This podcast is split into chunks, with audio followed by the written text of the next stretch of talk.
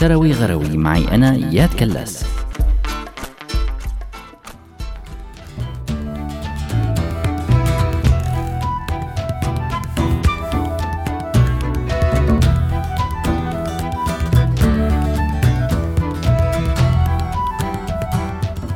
طلع مصطلح مشايخ السلطان من زمان كتير غالبا من أيام العصر الأموي يمكن بس اليوم هدول المشايخ عم يتكاتروا وعم يصير بعضهم متاح كبيدق بألعاب سياسية كبيرة بحيث يكونوا جاهزين للإعارة أو للأجار لغير سلاطين يعني خارج إطار المنطقة العربية أو العالم الإسلامي وصار ممكن استخدامهم بروسيا وبالصين وحتى بأمريكا.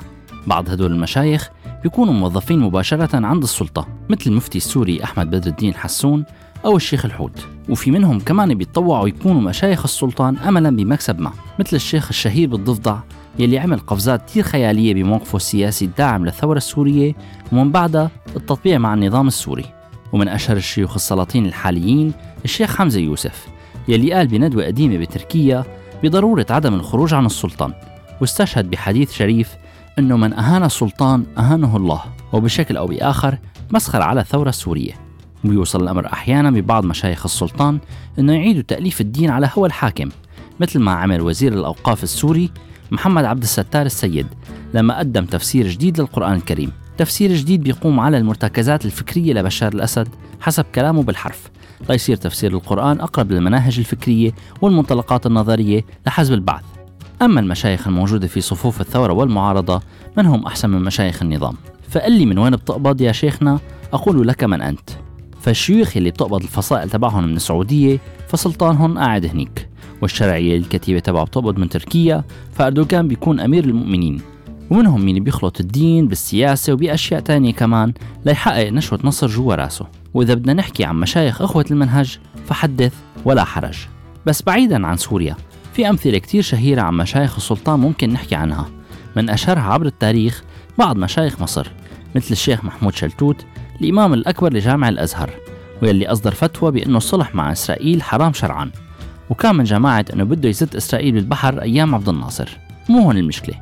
المشكلة أنه هذا الشيخ نفسه أفتى بعهد السادات أنه الصلح مع إسرائيل حلال. وأكيد مو بس مشايخ الإسلام هن مشايخ السلطان.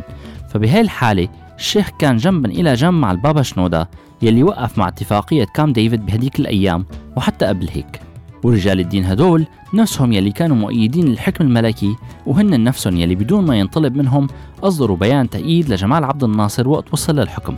على كل بيستحضرني الحديث إنه أحكي عن أشهر الجمل يلي انقالت بمدح السلاطين ويلي قالها شيخ له مكانة كبيرة عند كثير من المسلمين جوا وبرا مصر.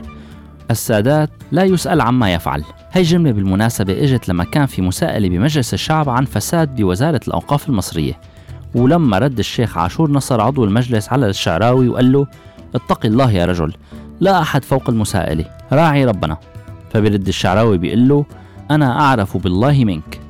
خلاصة الحديث يمكن إذا ما نفكر إنه الثورات الشعبية والثورات اللي بتقودها جنرالات رح يطلع مجموعة من الشيوخ يكونوا مع الشعب فنحن يمكن غلطانين لأنه كمية التناقضات وفقا للمصالح السياسية لكثير من الشيوخ بتقول العكس. كنت معكم أنا إياد بشروي غروي سلامات.